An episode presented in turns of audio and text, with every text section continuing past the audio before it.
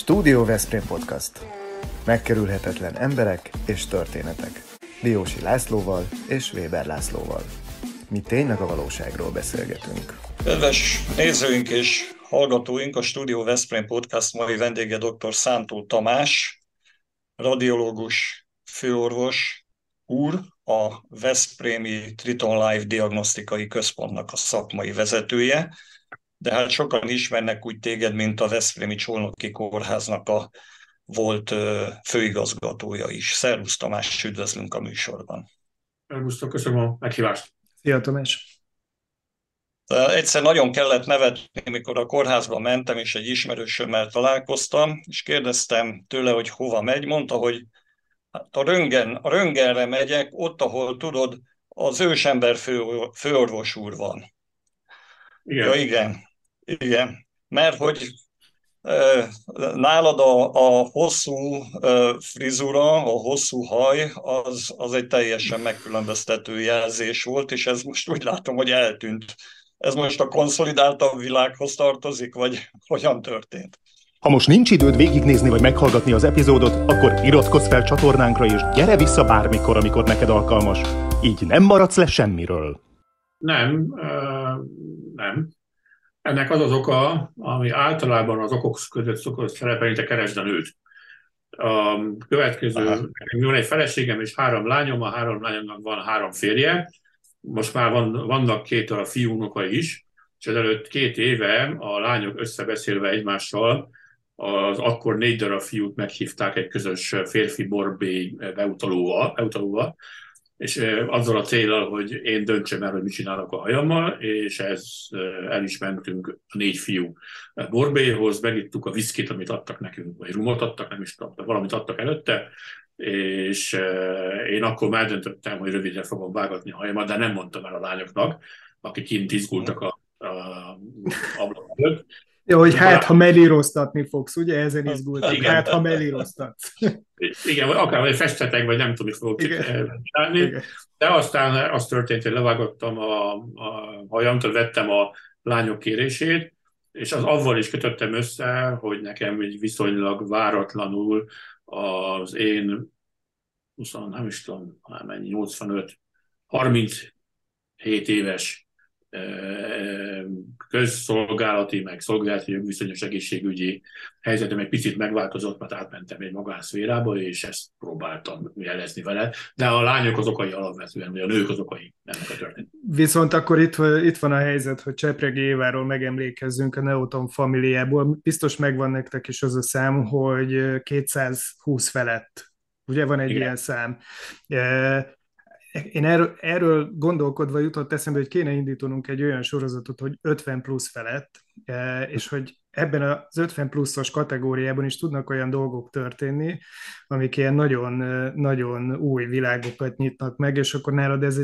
a megjelenésben is testesül, meg az új pályában is, e, de ennek mindjárt az elején szeretném megtudni, hogy te mit gondolsz erről, hogy a, az 50 plusz fölöttieknél mit kell megőrizni ahhoz, hogy képes legyen az ember egy ilyen, ilyen markáns változásra? Laci most udvarias volt, mert 50 plusz mondott, de lehet, hogy 60 pluszot kellett volna mondani most már ebben a helyzetben. kell mondani. Igen, én, én ugye elhatároztam azt már nagyon régóta, és ennek sok oka volt, hogy én 60 éves korom fölött, ami már elmúlt egyébként, én nem vállalok uh, ilyen vezetői uh, pozíciókat, tehát részben jönnek a fiatalok. Egy értelmes uh, nyugati kórházban az osztálytő főorvosod 40 év környékén van, uh-huh. és az ilyen öreg uh, izék, azok már kevésbé vezetőállásban uh, vannak. Nem akartam én nyugdíjba menni, hanem azt mondtam, azt, azt csinálom, hogy szeretek egyébként, tehát röngent, uh, tehát orvoskodni fogok, írom a röngen leleteket, és ezeket nagyon fog tetszeni, és ahhoz értek, ami egyébként picit többleten van, tehát például informatikához, egészségügyi szervezéshez, megcsinálom azt, amit egyébként szeretek csinálni, amit magas labdát dobott fel, tehát én alapvetően nem akartam soha orvos lenni, hanem mindig humán, pályára, humán pályára készültem, de így alakult, és nem bántam meg, de rengeteg olyan dolgot csinálok most, amit, amit a másik oldalammal kapcsolatos. Uh-huh, tehát, ez akkor, tehát akkor ez, ez egy elhatározás, ez egy korábbi elhatározásból fakadt, és van. akkor ehhez megőrizted magadban azt a fajta következetességet, Igen. ami akkor ezt a 60 körüli váltást Igen. eredményezte. Eredményezte volna, de nem, nem akartam, nem, nem akartam nyugdíjas lenni, uh-huh. de közben közben jött az, hogy több oknál fogva lehet ez a lehetőség, amiben beléptem, tehát egy, egy minőségi magánintézménynek a kialakítása a Veszprémben, ami elég gyorsan lezajlott szerencsére, és azóta ezt csináljuk. Én se gondoltam volna ezelőtt három éve, hogy ezt fogom csinálni. Uh-huh. Na, na most ugye itt azért alapvetően laikusok hallgatják a műsorunkat, látnak minket velünk együtt, úgyhogy egy picit azért el kellene, nem túl mély szakmaisággal, de el kellene helyezni minket abba a világba, amit a, itt a röntgen, ultrahang, CT, MR, mamográfiás felvételek jelentenek, szóval ez most uh, miben változtat az orvoslás lehetőségén? Nyilván ez már régebben megjelent, de most egy olyan szuper, hipermodern képalkotó diagnosztikai központ jött létre, ami, ami vélhetően akkor sokat javít az orvoslás minőségén?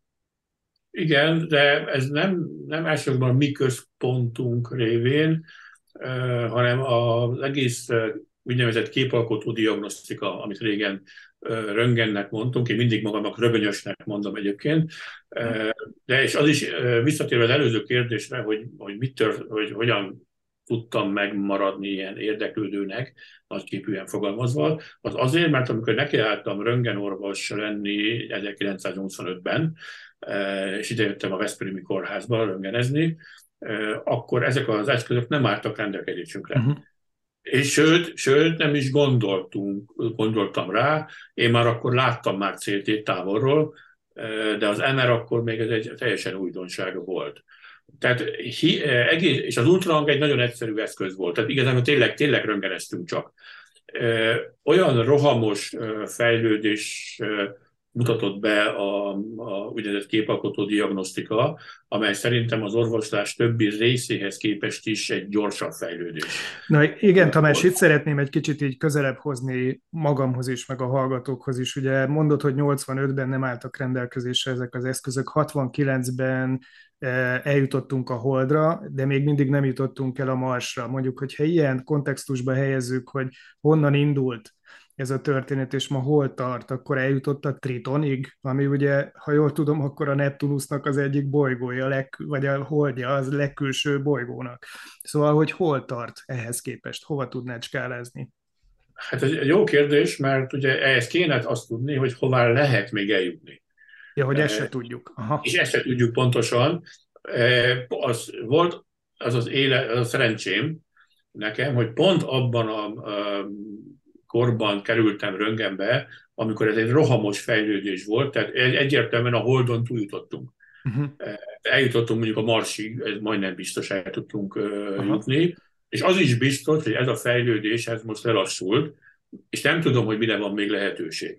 Uh-huh. Tehát a, a, én a következőket tudom felsorolni, ugye akkor kezdődött az ultrahangozás, majd bejött a CT Magyarországra is, majd megérkezett az MR, majd jött a, a PET-CT, ami az izotóknak egy nagyon speciális változata, mert egészet összefoglalta az a digitalizáció, amiben most is benn vagyunk, tehát gond nélkül ezt a rengeteg képet, amit most itt csinálunk, és el fogjátok menteni, nagyon hatalmas számú képet, azokat digitálisan tudjuk tárolni, és meg is tudjuk osztani ezt mindenkivel, és ez egy teljesen más gondolkodást igényelt. Olyanok, olyanok, olyan képeket láttunk, vagy én láttam, de többiek is, amit előtte nem gondoltam volna, hogy, hogy látunk.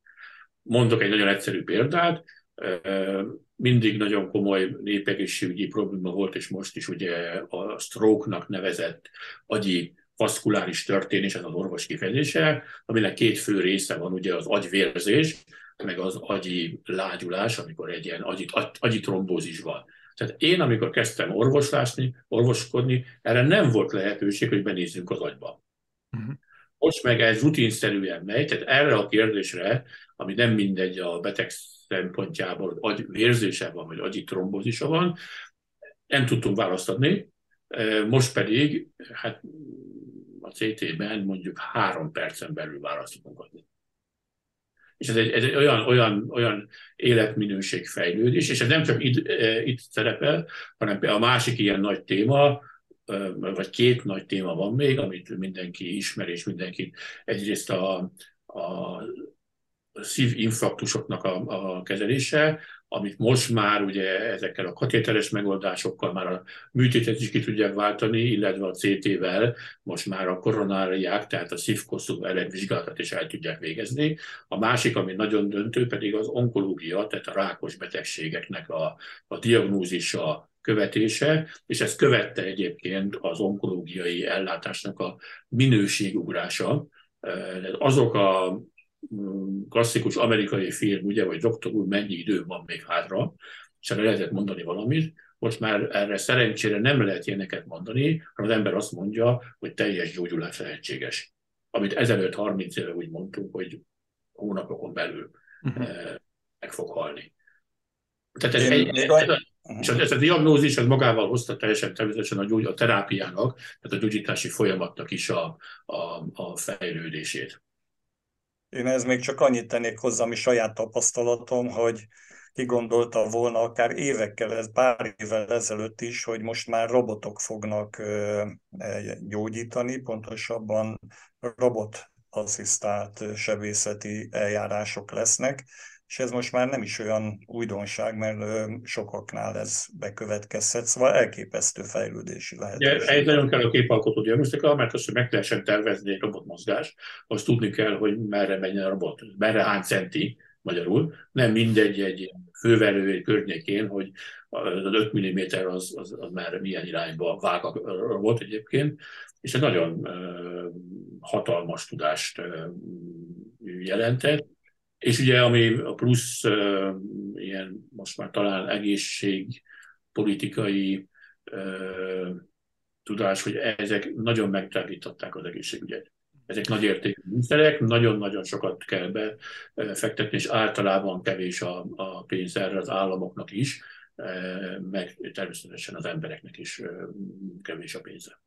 Tamás, hogyha már itt a Tritonnál ez az űrtechnológia rendelkezésre, akkor utazunk egy kicsit az időben. Te azt mondtad, hogy nem látható, hogy hol van ennek a technológiának a vége.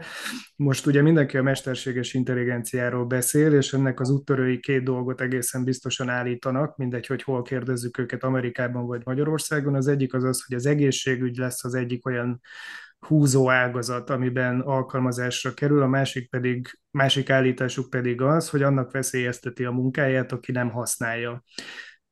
A diagnosztikában te hogy látod, hogy ma hogyan van jelen, illetve hogyan várható ennek az átalakulása, hogy ti mennyire fogjátok bevetni ezt, a, ezt az új technológiát, a mesterséges intelligenciát? Erre már részt vettünk, részt vettem tudományos kísérletekben, nemzetközi és magyar kísérletek is vannak erre.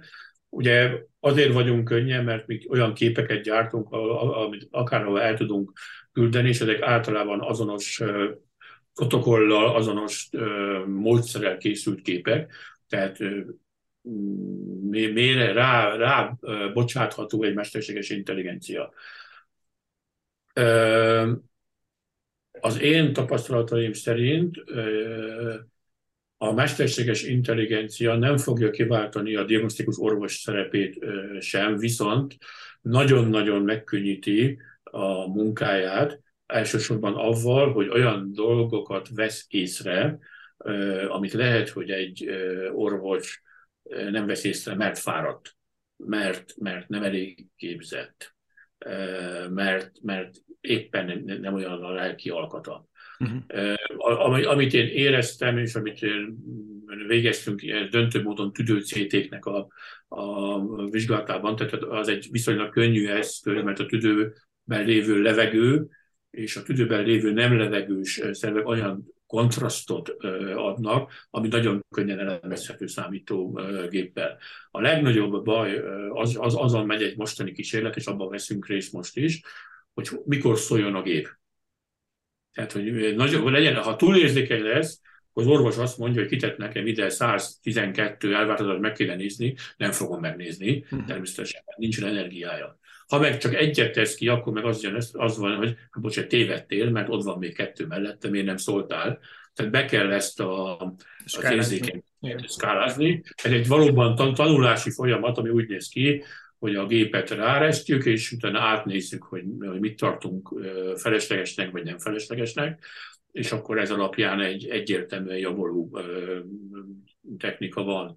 Ami a másik ilyenben, amit, amit konkrétan részt veszünk benne, az az emlő diagnosztika, tehát a mammográfiás képeknek a, az elemzése. Az e, ellenkező a tüdővizsgálathoz képest, hogy egy, egy, egy női emlő a röntgenes megjelenésében az nagyon változatos lehet. A tüdő az általában egyforma, az emlő pedig nem egyforma, a nők azok mindig bonyolultabbak, mint, mint Hát a tüdőnél mindenképpen. Igen, nálunk biztos. És a, erre, erre viszont nagyon informatív lehet egy mesterséges intelligencia, tehát itt nem baj, ha esetleg túlérzékenyen megnéz, amit lehet, hogy tényleg az orvos nem vesz észre. Ráadásul itt ugye milliméterekről is szó lehet egyébként, míg a CT-ben azért az, hogy valami 3 mm azért azt nem fogjuk tudni megmondani, hogy pontosan micsoda észrevesszük. A, az emlővizsgálatoknál fontos a, a minél kisebb méretnek a lehető pontosítása. E, ebben, ebben képalkotott minisztikában látok egy ilyen lehetőséget. A, a terápiában, vagy a klinikai orvoslásban pedig az van, hogy az a rengeteg információ, ami beérkezik a klinikus orvoshoz, a kezelő orvos. Tehát egy nagy mátrix rajzolódik ki, amiben ugye piros meg zöld pontok vannak, de ebből sok van, tehát egy gyönyörű mozaik lehet, és ebből kéne összeraknia neki a, a, a, a betegről szóló már pontos diagnózis, illetve a kezelési módszert, és ebben nagyon tud segíteni a, a mesterséges intelligencia, hogy azt mondja, ez, ez, haj, ezt a részt hajt, ez, ez biztosan nem ez, viszont olyan be hogy hát, ha arról van szó, uh-huh. amit egyébként nem biztos, hogy uh-huh. az ember gondolkodik. Egy orvosnak a két, két veszélye van, hogy túl általánosít, vagy túl speciális, túl speciális gondolatokat fogalmaz meg, egyik se jó egyébként. Uh-huh. Tehát az a betegség, ami, ami évente a világban 20 van, az egész világban, az nem biztos, hogy pont Veszprémben fog megjelenni. E, tehát ne, ne, ne menjünk ebbe, viszont ne is általánosítjuk, mert hát, olyan betegség van, ami, ami nem fér be a, a mindennapi rutinba. Én szeretném, ha visszakanyarodnénk a világi dolgokhoz, tehát azzal, hogy most ugye megépült ez a diagnosztikai központ Veszprémben, ez jelenti -e egyúttal, hogy a várólisták a kórházban rövidülhetnek, mert akik megtehetik, azok talán elmennek a, a diagnosztikába, a Triton Life-hoz, és ott megcsináltatják a, a, a felvételeket, és elviszik a, az orvoshoz. Úgy tudom, hogy több hónapos várakozási idő van a kórházban. Igen, a kórházban nagyon hosszú várakozási idő van, de azt is tudomásul kell venni, ugye ez a magánintézmény egy jelen pillanatban fizetős intézmény, és azért a, ebben a egy-két évben és ezt írják az újságok is már, tehát a nagyon érdekes dolog történt, hogy a, a, tehát a állami, tehát ingyenes egészségügyben is, és a magánegészségügyben is csökkentek a, csökkent a betegszám, a vizsgálatszám, vagy a megjelenés szám. És nagyon-nagyon vizsgálják, hogy miért, miért van ez. Ugye az állami egészségügyben szerintem mondható az, hogy nem férnek hozzá a várolisták miatt. A magában pedig az, az van, hogy ebben a mostani világpolitikai, háborús, gazdasági, inflációs helyzetben valószínűleg a kevesebb pénz van. Ebből mindenki azt mondja, az állam is, tehát a magyar eh, hivatalos tehát az egészségügyi vezetés is, de ezt mondják minden szakértő is, hogy ebből az fog bekövetkezni, hogy valamikor ezek a betegségek elő fognak bukkanni sokkal uh, súlyosabb állapotban, mint esetleg most ki tudtuk volna őket uh, mutatni. Tehát ez most van egy csökkenés, de, de ebből egy, egy terhelés lesz, uh, és én azt érzem a pont a titomban nagyon érdekes módon, hogy nagyon sok esetben a várólisták miatt olyan emberek jönnek be hozzánk pénzes vizsgálatokat végeztetni, akik nem gazdagok.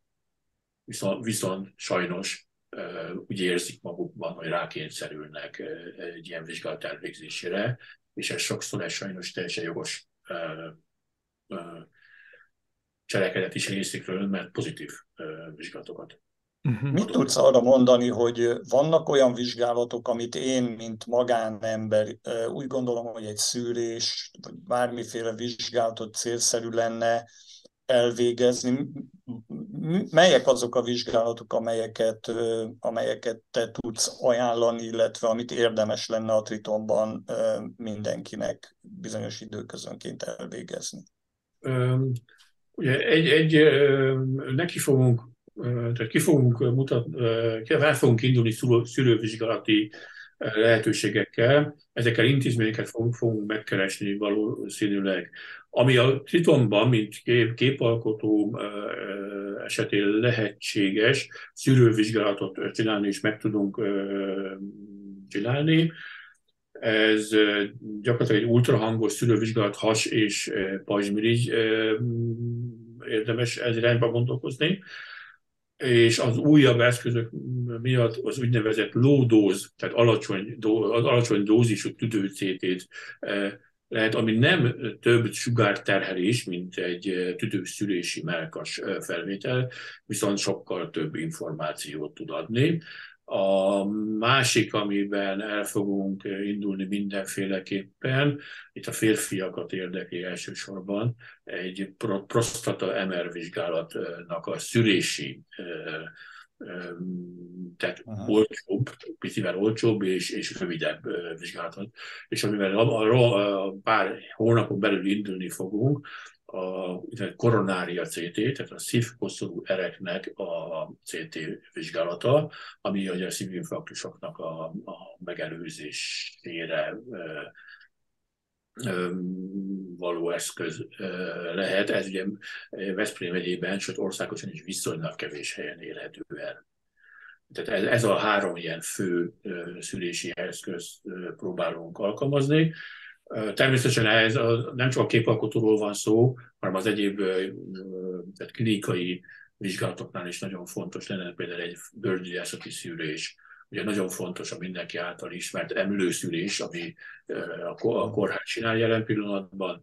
A, nagyon fontos lenne a nőgyógyászati és a vastagbél szűrések, amit az állam egyébként szintén szervezett valamilyen módon, de ez kevés a megjelenés. Kevés a megjelenés.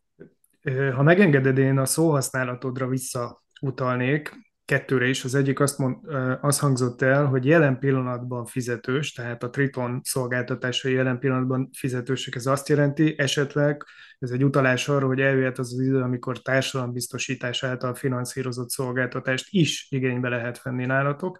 A másik pedig az imént azt mondtad, hogy azt látod, hogy egyre többen jelennek meg azok, akik nem gazdagok. Ebből nekem az következik, hogy akkor ahhoz nem is kell gazdagnak lenni, hogy ezt a szolgáltatást igénybe vegye az ember, csak sokak számára ez extra megterhelést jár, de megfizethető szolgáltatást. Jól értem?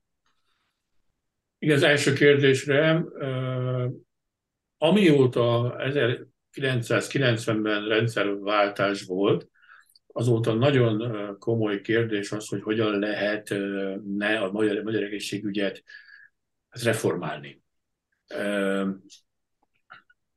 Nagyon sok kísérlet volt, és én valamennyi kormány esetében komoly hibákat tudok mondani, hogy nem, állt, nem mertek neki állni egy reformnak. Ezt megértem, ezt a, ezt a óvatosságot és, és pici ö,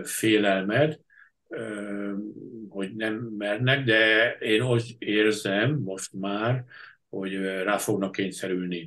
Ez, ez már nem lesz tartható. Ennek egy része az, amit nem kell felfedezni a spanyol viasz, tehát ez a bizonyos állami ingyenes egészségügynek a valamilyen módon átalakítását jelenti, ennek több lehetősége van, és szerintem biztosan valamilyen kópimentet. A kópiment azt jelenti, hogy a páciensnek is valamilyen hozzájárulást kell fizetni. Ez nem biztos, hogy a 300 forintos vizitdíjnak kell lennie, de ennek rengeteg variáció lehet. A biztosítási rendszereken keresztül ezt lehet szabályozni.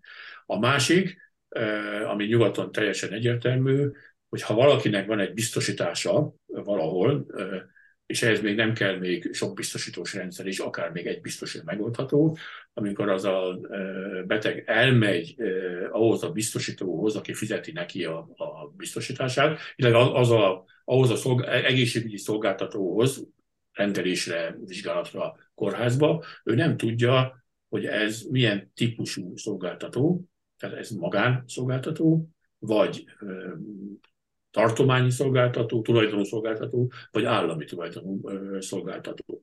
Én azt gondolom, és azért mertem mondani a, azt az első mondatot, hogy előbb-utóbb szerintem a magánszolgáltatók kapni fognak állami finanszírozást, mert az állam rá fog erre kényszerülni, hogy azokat a egyébként nagy értékű gépeket, amit lehet, hogy egy magánember vagy egy magánbefektető meg tud venni, és ebből tud olyan működést végezni, hogy nagy terhet vesz le a kórházakról, akinek nem biztos, hogy a, a térdizületi artrózisát kell emerezni a kórházi emelben, mert azt meg tudja csinálni egy járóbetegként, akár két hetes előjegyzéssel a magánszolgáltató.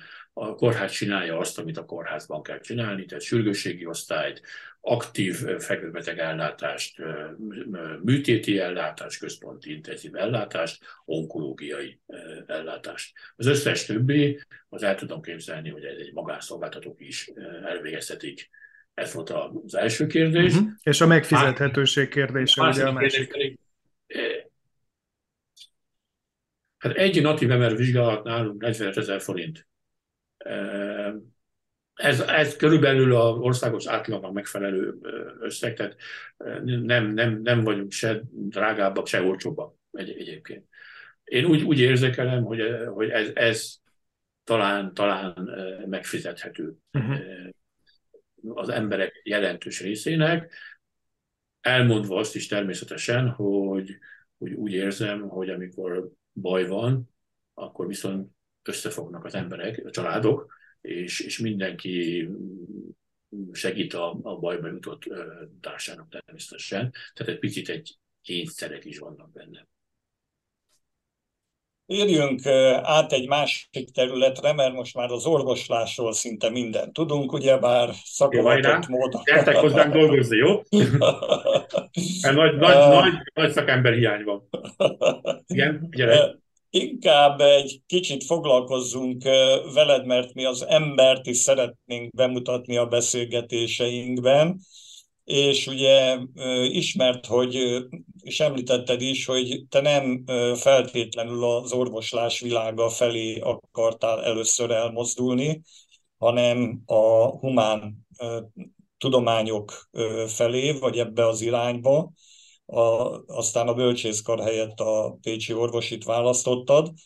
Szóval ez a humánhoz kapcsolódás, ez mit jelent a mindennapokban? Köztudod, hogy te a Hanvas Béla Alapítványnak, a Asztaltársaságnak a tagja vagy, meg filmklubokat szervezel, weboldalakat készítesz, szóval nem nagyon tudsz elszakadni ettől a másik világtól sem, ahogy látom.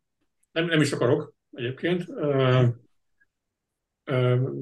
és szerintem a kettő összefügg egymással, mert azért, azért az orvoslás is humán szakmának kell lennie, és a, a művészetekben adott válaszok, azok egy konkrét egészségügyi beteg-orvos kapcsolatban is nagyon fontosak lehetnek. Ugye én nagyon örülök annak a, a kórházi mondatnak, amit még a Pákozdi János volt főigazgató talált ki, én szerintem, és jól tudom, egy Cicero szövegben, vagy Kikero, nem tudom, hogy kell mondani, egy, akarok művet, művet lenni, nem, nem tudom, hogy mondták a latinok, latinok a Cicero nevet, de azt a salus egroti supramax esto, tehát a beteg érdeke minden törvény fölött van. Ez egy nagyon fontos mondat volt, és az azt jelenti, hogy ha betegről van szó, akkor akkor nem a technikáról kell elsősorban. Nagyon fontos, a technikát tudjuk, de, de a beteg, az embert kell eh, elsősorban kezelni. Ez, ez nagyon fontos az ilyen humán eh, gondolkodás eh, mód, és nagyon tud segíteni egyébként a, a, nekem is, amikor picit elfáradok, vagy, vagy olyan helyzetbe kerülök, hogy hú, ez nagyon-nagyon-nagyon nehéz dolog volt, vagy rossz, rossz volt ezt valamit csinálni. Ez nagyon, nagyon segít. Ugye felsoroltál mindent, amit én most konkrétan csinálgattok, azok egészen furcsa módon film feliratoknak a gyártása, mert rengeteg olyan nagyon jó film készült, hogy Magyarországon nem mutatnak be. És e, ezek, ezek, ezeket be kéne mutatni Magyarországon, és ez valamilyen módon érthetővé kéne tenni. Ezek jellemző módon nem angol nyelvű filmek egyébként, hanem a, nem is tudom milyen nyelvű filmek, és ez ilyen elég bonyolultan próbálom ezeket sok munkával megcsinálni. Logikus módon elsősorban angol nyelvű feliratokból természetesen, de ha nem jön össze a pontos, akkor próbálok bemenni a, például a grúz nyelvnek a de hol, hol férhetők hozzá ezek a, hol férhetők hozzá ezek? Hát ezek hát kevésbé legális dolgok, tehát ezek torrent oldalakon hozzáférhetők természetesen. Ez e, hatalmas nagy, és, és én visszatérve arra, hogy ez, miért fontos, tehát tudom, hogy torrent, de én szerintem az, ez ilyen művészet, művészi közvetítés, az szerintem az a törvények felett valóban kell lennie. Nem, nem, nem kér érte pénzt, tehát ez az egyetlen megoldás, az ember nem kér érte pénzt, hanem, hanem és nem, nem csak én vagyok ebben, hanem nagyon, uh-huh. nagyon sokan csinálják ezt. Tehát például a, a filmklubok, amit most nézünk, abban három olyan film lesz, a Süreti Filmklub, ami a három olyan filmeszemnek én írtam a feliratát. Lényegében, persze segítséggel természetesen. Ez egy grúz film, egy, és egy orosz film. Orosz hát akkor itt... itt, itt... Orosz film, amiben három nyelven beszélnek itt kell felajánlom ne, felajánlanom neked a Studio Veszprém podcast hozzájárulását. A grúz nyelvben tudunk segíteni, ehhez van megfelelő muníciónk, úgyhogy ha erre volna szükséged, akkor, akkor szólj nekünk. Már, már köszönöm szépen a beszélgetést, mert elértünk valami eredményt. Ez De konkrétan ez tényleg számon kérhetően, úgyhogy majd akkor okay. erről beszéljünk, de egy dolog engem még rendkívüli módon izgat. Te így belemondott pacekba egy interjúban, hogy boldog vagy tehát amikor a, a tritonos életedről beszélsz, akkor azt mondod, hogy boldog vagyok. Mondd el nekem a boldogság definíciódat. Jó, jó kérdés. Uh, én azt, az, az a boldogság, én szerintem, ezen gondolkoztam, tehát ezen, ezen jó, erre vannak irodalmi válaszok is, meg, meg film, filmek is szólnak erről. Én, én szerintem az ember élet esetében vannak olyan általános szabályok, illetve elvárások vagy adományok, amiknek valamilyen módon meg kell felelni, és ha ennek az ember meg tud felelni, vagy úgy érzi, hogy megfelelt neki, illetve a, azokat a tiltásokat nem lépte túl, amit egyébként a társadalomban, vagy az emberiségben megvannak, akkor boldog tud lenni. Uh-huh nem tudom, ilyen, ilyen egyszerű. Tehát én alapvetően nem, én nem, a boldogság nem, nem azért, nem én vagyok boldog, hanem az, hogy, hogy tudok olyan dolgot csinálni, ami nekem is jó félreértésen legyen, tehát szívesen csinálom, de hát ez nem, nem, nem szenvedek nagyon érte. Tehát én szívesen lehetezek röngent, szívesen foglalkozok az egészségügyi informatikával, szívesen nézek filmeket, szívesen szervezek filmklubot, szívesen, mm, hogy mondjam, utazgatok az egyre nagyobb családommal, tehát jelen pillanatban ugye most feb, mi februárban voltunk a családdal, tehát ugye a feleség, három lány, három férj, egy unoka, távol, öt órás repülőúttal mentünk el, egy házba laktunk, kilencen, és ott mondták be a másikak, hogy jön akkor a tizedik is, aki az született már egyébként, és e, e, e, például ez is egy, egy nagyon jó. Oké, okay, szerintem érthető, érthető ez a definíció. Kedves nézőink és hallgatóink, dr. Szántó Tamás főorvos úrral beszélgettünk. Köszönjük neked, hogy megosztottad veled gondolataidat, és hát úgy gondolom, hogy rengeteg olyan információ hangzott el, amely sokakat, mindannyiunkat orientálhat.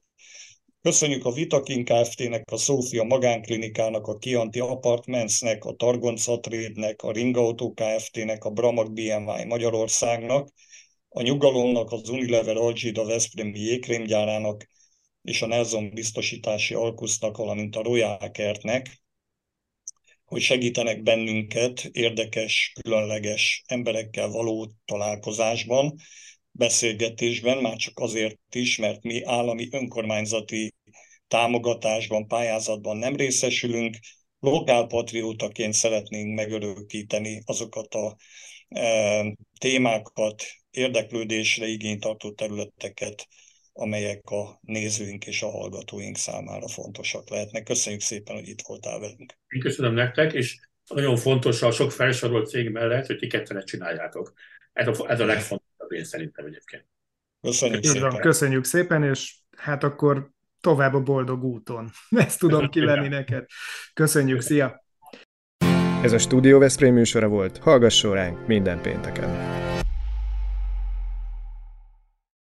Lehet, hogy megkerestek. Jó. Ez a film egyébként ez egy nem, ne, egy-két év, nem tudom, hogy ismeritek-e, vagy ismeritek, javaslom nektek, egy pár éve készült grúz dokumentumfilm,